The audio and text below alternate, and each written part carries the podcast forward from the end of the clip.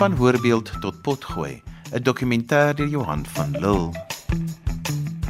Goeienaand, ek is Heidi Miller. 'n Dokumentêr saamgestel deur Estie Groot. 'n Dokumentêr deur Christel van Tonder. Dokumentêr deur Iver Price. deur Johan Rademan. Jody Hendriks. Jackie January. Die samesteller en aanbieder is Ina Strydom.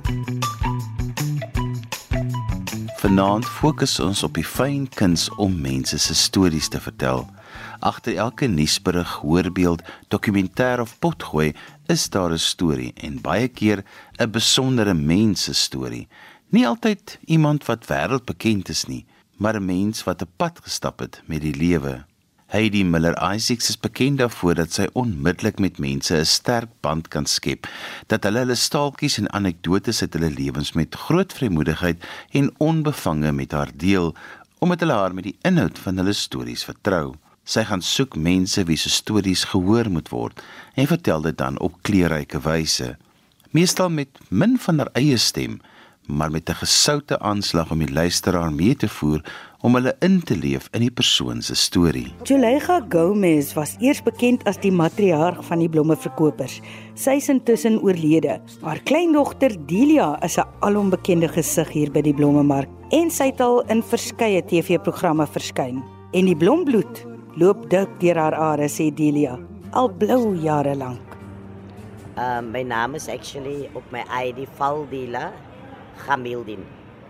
Wat soos die jare aangaan, die wit mense kan nie my naam pronounce nie.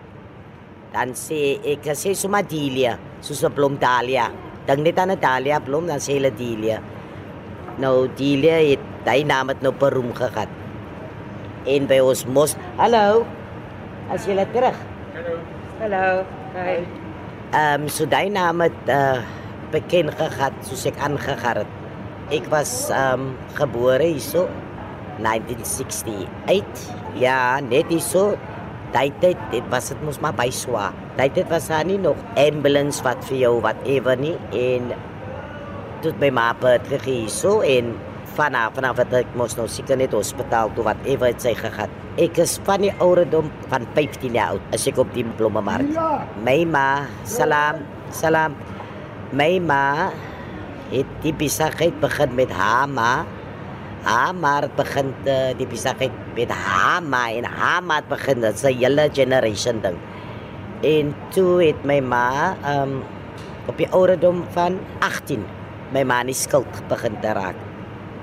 Toe rap begin ek die besigheid heeltemal oorvat. Sy was nog hier, maar ek het dit geran. Amina Naidu. My ma het ek nou verloor, ook nou 'n maand en twee twee weke gelede. Ja. As ek maar baie rap um tyd gewis. Eers my man en toe my antie drie maande Tinda en toe sit my ouma en nou sit my ma. So ek op die jaar is 'n 'n 'n veebitteria. Ek is steek. Ek het myself gesê ek het sewe kinders wat ek moet voorsorg. Ja, nee, ek sal ek een van my kinders, van my vyf meisiekinders moet oorneem. So Abida is my oudste meisiekind. Sy moet nog baie lees. Sy's 34, wat op die oude wat 34 is ek al die alles al. Ja.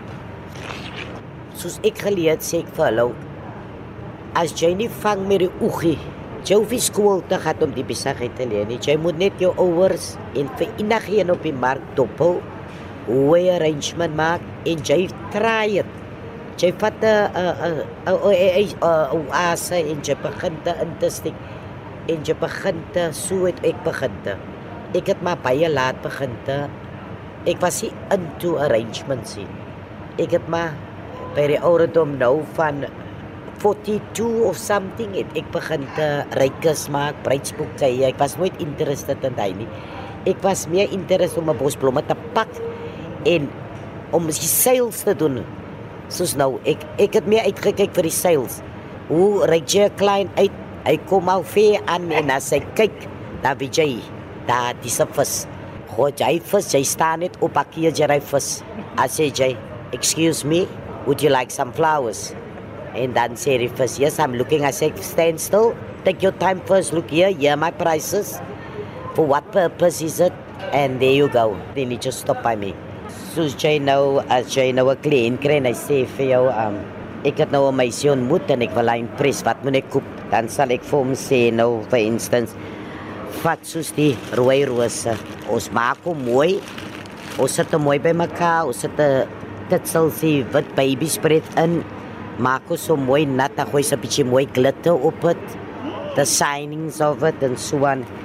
En dan obviously dan vra ek die kliënt hoeveel geld het jy om te spandeer. Sê maar ek sê nou is 80 rand 'n bos en hy sê miskien nou hy het 100 rand dan sê ek uh, it's fine, I'll make it nice for you. Dan present ek dit baie mooi vir hom. Dis nou die rose, jy kan dit meng, dis lucientes. My gunsteling bom is nou die stargazers. Hy gee uit 'n lekker ryk as hy oop gaan. Dan soos jy nie eens perfume in jou huis nie. Okay, ek het, ek is nie 'n mens wat blomme in my huis het nie. My oulede man, hy het altyd die kamari bokse oopmaak. Daar haal hy al sy bos, die bos lilies uit in vir die huis. Dan skel ek as seker, ooh, da ek weet nog eens hoeveel is die slippie, maar jy sit al blomme in die huis. Dan lyk hy moet jy nie worry nie. En nou van hy nou weg is, sit ek altyd 'n bosie blomme in die vaas. Dis nou my healing. Hy het dit gedoen en ek try altyd om te volg wat hy gedoen het. Vag my. Nee, ek het dit nooit gedoen nie want ek het altyd gesê vir hom die dag as jy vir my 'n bos blomme koop as jy frek because ek is gebore tussen blomme my lifetime is blomme wil ek net so aankyk en ek wil dit net ek wil net besigheid maak. Nie 'n bos blomme nie, hy sit wat moet vrek gehad nie. Ek moet geld verdien van hy blomme. Daar's genoeg gesigte in my huis. Jy weet ek het 'n huishoud van sewe kinders en my kleinkinders ook nog. Nee, dis genoeg vir my. Nog 'n voorbeeld van Heidi se oeuvre van radiodokumentêre is Blindekol, waar sy die luisteraar bekendstel aan die wêreld van blinde krieket. Let daarop hoe sy so gesofistikeerd met fyn redigering die verteller se storie meng met die inligting oor die sport self. Selfs die geoefende en gesofistikeerde oor kan nie hoor hoe sy die klanklegkaartstukkies aan mekaar sit om die storie te vertel nie. Dit vloei net. Baie keer vertel die persoon die storie vir jou, maar in die redigeerproses sny jy dit wat jy opgeneem het op in stukkies en meng die verskillende dele om stukkie vir stukkie auditiewe prentjies vir die luisteraar te skep.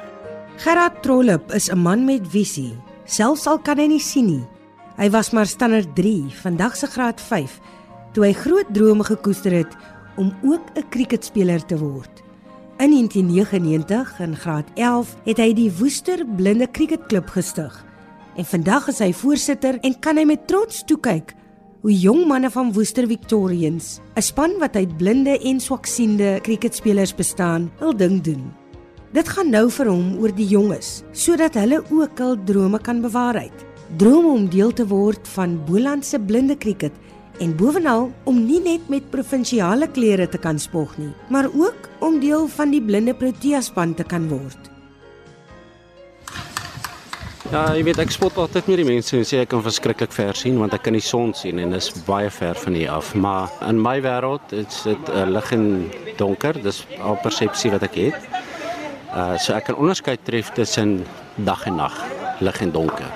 Weet op hierdie einste skoolgrond het ek as standaard 3 saam met die hoërskoolkinders krieket gespeel. Toe was daar nog nie blinde krieket gewees nie. So wat ons gedoen het, ons het enige ronde bal waarop ons ons hande kon lê gevat. Dit was 'n sokkerbal of 'n netbal. Hom in 'n sak gesit. So as jy hom dan nou gooi, daar raas die sak. En so het ons begin krieket speel. Een van die kettingwinkels hier onder in die straat was daai tyd so goed gunstig om ons sakke te gee as ons gaan vra. En ek het altyd gedroom ek wil krieket speel. Ek wil 'n wedstryd speel. Toe die geleentheid in 1999 opkom dat hulle vir ons dit uh, blootgestel het aan die spel, is dit half 'n droom wat uh, verwesenlik is. Gerard se ster het blinker begin skyn. Maar daar was teleurstellings op pad boontoe wat hom sou poetjie. En ja, dit het 'n wrangsmaak in sy mond agtergelaat. Ek was in 2004 gekies vir die Protea span en ongelukkig daai jaar weens finansiële redes op die nippertjie is die toer toe gekanselleer. Australië sou hier kom toer het. Op daai stadium verstaan jy en ek dink daar's 'n bietjie woede betrokke en gebrokenheid dat dit was altyd jou droom om met die groen klere aan te staan en jou volkslied te sing. Dit het in skerwe gelê. Maar van daar af het ek net nog nooit opgehou cricket speel nie, selfs toe ek onder in Gauteng gebly het, toe ek nog in die bankwese was het ek vir 'n klub in Pretoria gaan speel. So ek het laas jaar eers as speler ook uitgetree. Nou, ou kan ook net so lank speel. En ehm um, toe ek begin betrokke raak met die administratiewe deel en ontwikkeling veral. Ontwikkeling is vir my van kardinale belang as dit kom by blinde cricket.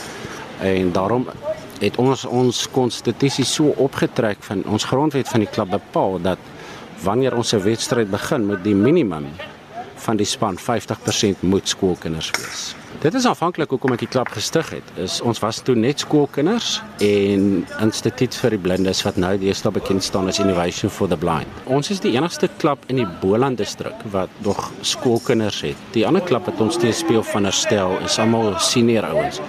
So vir my is dit verskriklik belangrik om die stelsel te voer met jong bloed ook die ouens te laat besef daar's drome. Nieu-Seeland terloops kom toer nou in Februarie tot die 14de. En vir my is dit baie belangrik dat ons besef maar jy kan 'n Protea word. Jy kan word wat jy droom. Moenie vir jou sê the sky is the limit nie, want dan is daar nog steeds 'n limit.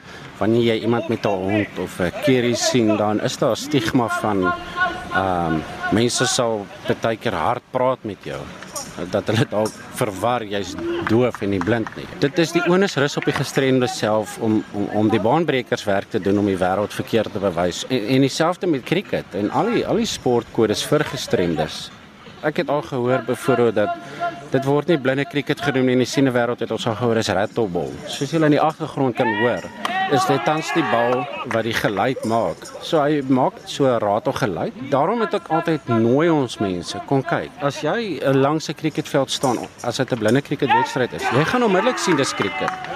En soos jy kan nou net het een persoon na ander een uitgevang wat ook in die sport kan gebeur. En daar's baie aksie betrokke. Want ons het 'n mengsel van totaal en al blinde ouens wat in die span speel. Dan moet jou span moet uit 4 totale blindes bestaan. 3 wat se sig ten minste 3 op 60, so wat 'n siende op 60 meter sien, gaan hierdie ou op 3 meter sien.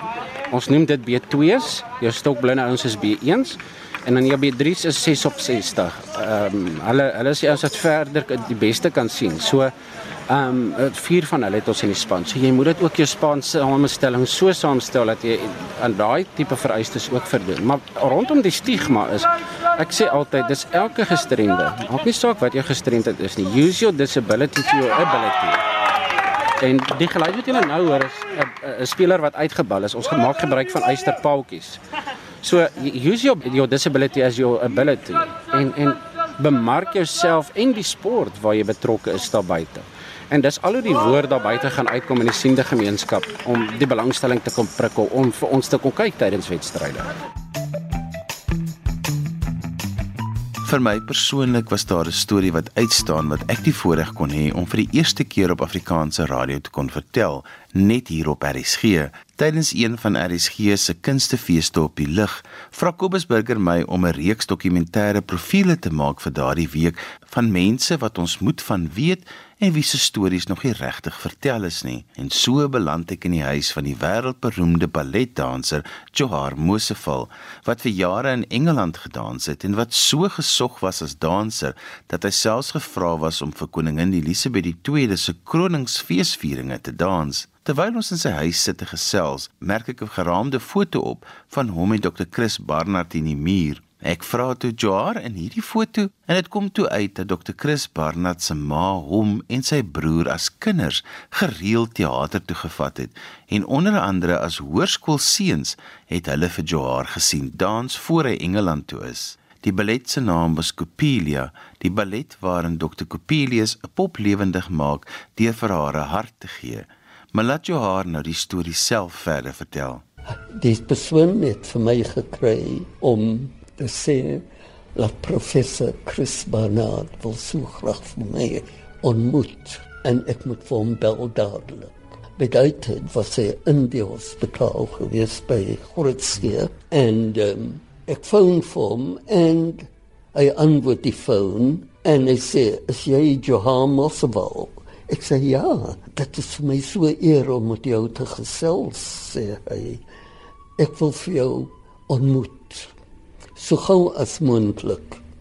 Ek wil vir jou 'n party gee hier by Grootskie Hospitaal en bring 'n paar mense saam met jou om te kom en ek sê, "Ooh, dit is quite a eer om te gaan nou om in vorm te ontmoet." En ek versamel 'n paar mense. Nie een van my familie kan gekom het nie because hulle het gewerk en hulle moet gaan werk het.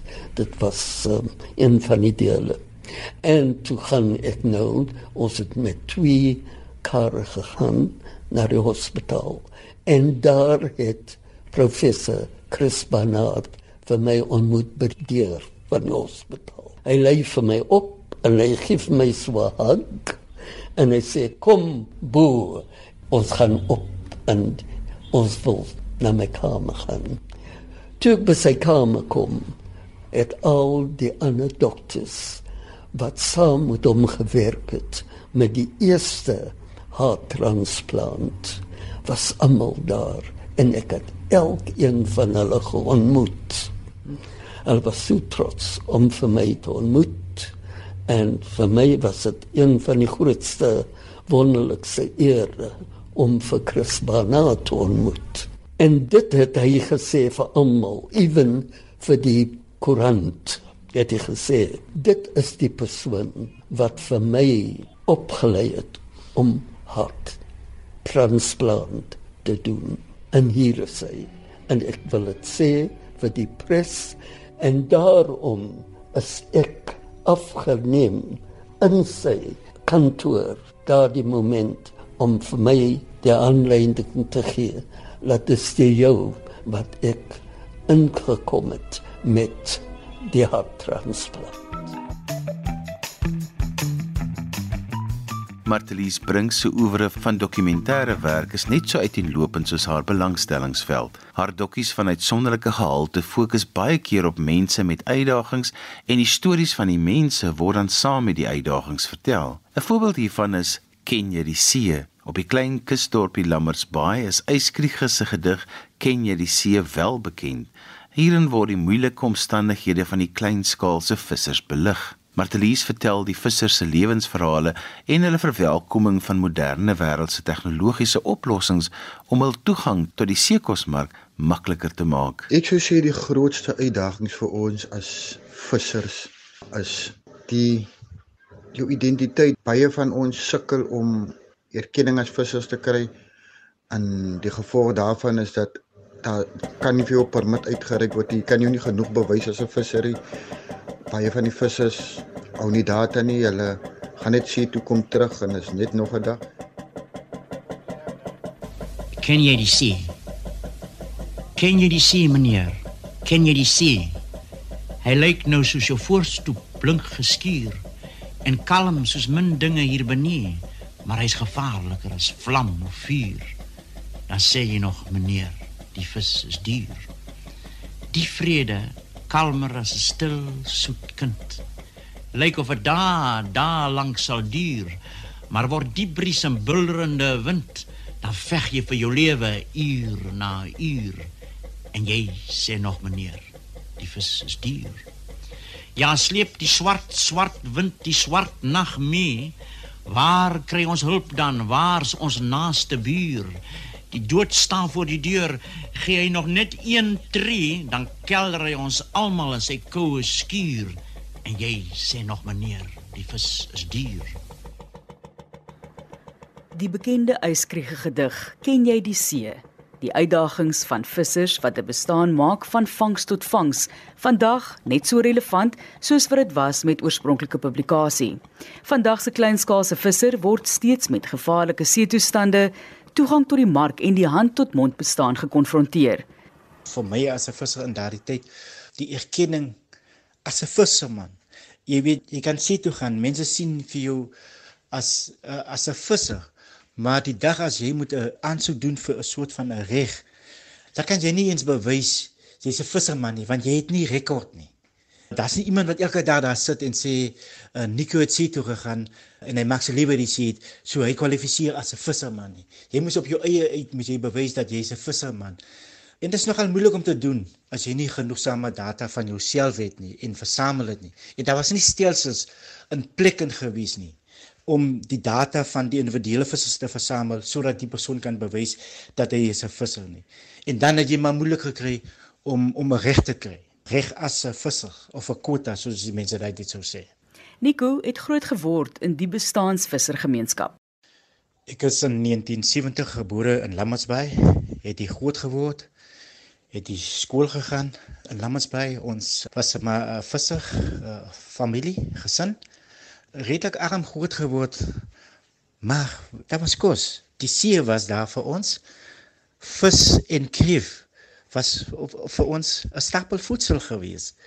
En uh, ek ek kan sê dat jy ek is soos wat kinders groot geword het met karretjies, met speelgoedetjies, het ons groot geword met vis en kreef. Ons het af met 'n dokumentêr van Johan Rademan. Johan Rademan se navorsing van sy dokkies is een van die vele aspekte wat sy dokkies so insiggewend maak. Ek gaan 'n uittreksel speel van een van sy dokumentêre, Majesteit die kat. Dis 'n profiel oor die digter Lina Spies. Let daarop hoe hy die navorsing wat hy gedoen het en 'n uittreksel uit haar werk gebruik as 'n opbou tot hy die digter aan die woord stel. Ek kuier vandag in Kykie Piering in die botaniese tuin in Stellenbosch om met Majesteit die kat Lina Spies te gesels en saam ook 'n digtersvriend en katliefhebber Nik de Jager. Ja, dit is die Nik van Nik se goeie, maar ek wil sommer begin en sommer na die tipe van wat sou mense dit noem Bybel van Afrikaanse literatuur van John Kannemeyer gaan. Daarin het hy gesê Lina Carolina Pieternella Spies 1939 beoefen 'n persoonlike poesie waarin na 'n sterk autobiografiese element en 'n sentrering rondom die ek, haar familie, vriende en geliefdes, die temas van kinderloosheid, die kind, die beminde, die teleurstelling in die liefde en bepaalde plekke, Stellenbosch waar ons juis sit, Amsterdam en later Pretoria as konstantes by herhaling voorkom. Meestal slaag sy daarin om die persoonlike problematiek en belewing te objektiveer deur Bybelse en literêre verwysings, onder meer die sprokieswêreld en kinderrympie of bepaalde kunstenaarsgestaltes as objective correlatives te gebruik. Maar hy sê niks van katte nie. Nou weet ek ek gaan sommer onmiddellik begin nik dat jy vir ons na Lina se kat hemel toeneem. Soos jy dan sê, die gedig is hemel.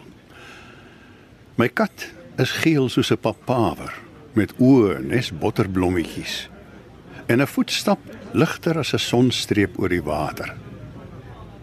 Die mossies in my tuin het koppies rond soos okkerneute en ligte lyfies soos gepunte blare.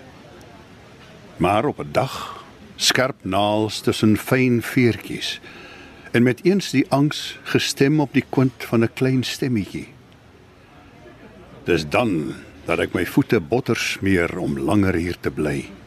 En nie by voorbaat weg te loop na daardie land waar die wolf by die lam gaan wy en die mossie haar eiertjies tussen die potjies van die kat sal lê. En Lina, dit is uit digby ver genoeg 1971. Ek wil net gaan na 1939 jou geboortejaar, die begin van die Tweede Wêreldoorlog. En in digby ver genoeg is daar Ja, die kat wat ter sprake kom, dis ook waar jy so tipe van die bynaam die kat digteres vandaan gekry het, maar dis ook waar Anne Frank se kat 'n enorme rol in jou lewe gespeel het. En jy trouens jou huidige kat uiteindelik die moed bymekaar geskraap het om te vernoem na Mushi, daar uit die agterkamer van Anne Frank. Ja, dit is inderdaad so dat ek moet die naam Mushi vir baie lank in my gedagtes rondgeloop het want uh, ek het as student op Stellenbosch die dagboek van Anne Frank gelees het agterhuis. En ek was baie diep beïndruk daardeur en ek het 'n gedig geskryf wat die eerste gedig was wat my mentor en my professor die Opperman absoluut goedgekeur het vir Anne Frank van dit agterhuis. Nou in daardie agterhuis was Pieter van Pelse kat Mushi. Mushi het uh, Pieter saamgebring terwyl Otto Frank aan sy vader haar verbied het om haar kat soontoe te vat. Maar Otto met sy sagte hart kon dit nie uh, vir Pieter weier nie. Dit was dus die inspirasie vir my uh, gedig, die hele saamleef in so beperkte ruimte uh die troos wat hulle moes vind, uh die optimisme wat hulle moes behou. Maar ek kon nie so ver kom 'n kat musie te noem nie. Hoe noem ek nou 'n kat musie terwyl die dag nadat die Gestapo hulle inval gemaak het in die agterhuis en die verskrikte musie daar agter gebly het? Hoe kan ek 'n kat wat ek nie gered het nie, musie noem? En toe red ek 'n kat. Hy was 'n uh, kat wat by 'n vrou gebly het wat 'n oormaat katte gehad het, as ek so iets mag sê. 'n Hele agterplaas vol katte en Mushi het besluit dis te veel katte. Katte hou nie daarvan om in so 'n groot groep te wees nie. En uiteindelik het hy altyd op my dak gesit en toe ek verhuis, toe moes ek maar besluit uh, wat maak ek nou met Mushi? Eintlik het ek die storie verkeerd vertel. Ek het uh, Mushi nie wou hê nie en uiteindelik het Mushi beland by die dierearts en toe ek hoor dat sy snags ry om Mushi te gaan kos gee, hy het toe nog nie 'n naam gehad nie. Sy naam was Gert. En toe kom Marie by my eet en dit dring tot my deur sy ry naweke om die kat kos te gee. En toe sê ek bring hom maar. En toe bring sy hom. Maar sy naam was Gert En ek kon my nie voorstel dat ek in my agterplaas by Klein Geluk staan in my erf agter en roep Gert Gert nie. Wat sou die bure gedink het? En toe besluit ek, ek het Mushi gered. Hy's my liefste kat. Hy's nou nog by my. Hy is my daaglikse metgesel en ek is nog nooit so lief gewees vir 'n kat soos vir hom nie en hy het Pieter van Pel se kat se naam gekry, naamlik Mushi. En hiermee het ons aan die einde gekom van die tweede deel van van Hoorbeeld tot Potgooi, 'n dokumentêr deur Johan van Lille. Die tradisie van dokumentêre maak wat ook nou as Potgooi net so gewild geword het, hoop ek sal nog vir baie jare deel wees van RSG se programsamestelling. En ons bring hulde en sê dankie aan al die dokumentaries wat hierdie skatkis van stories in klank vir ewig het.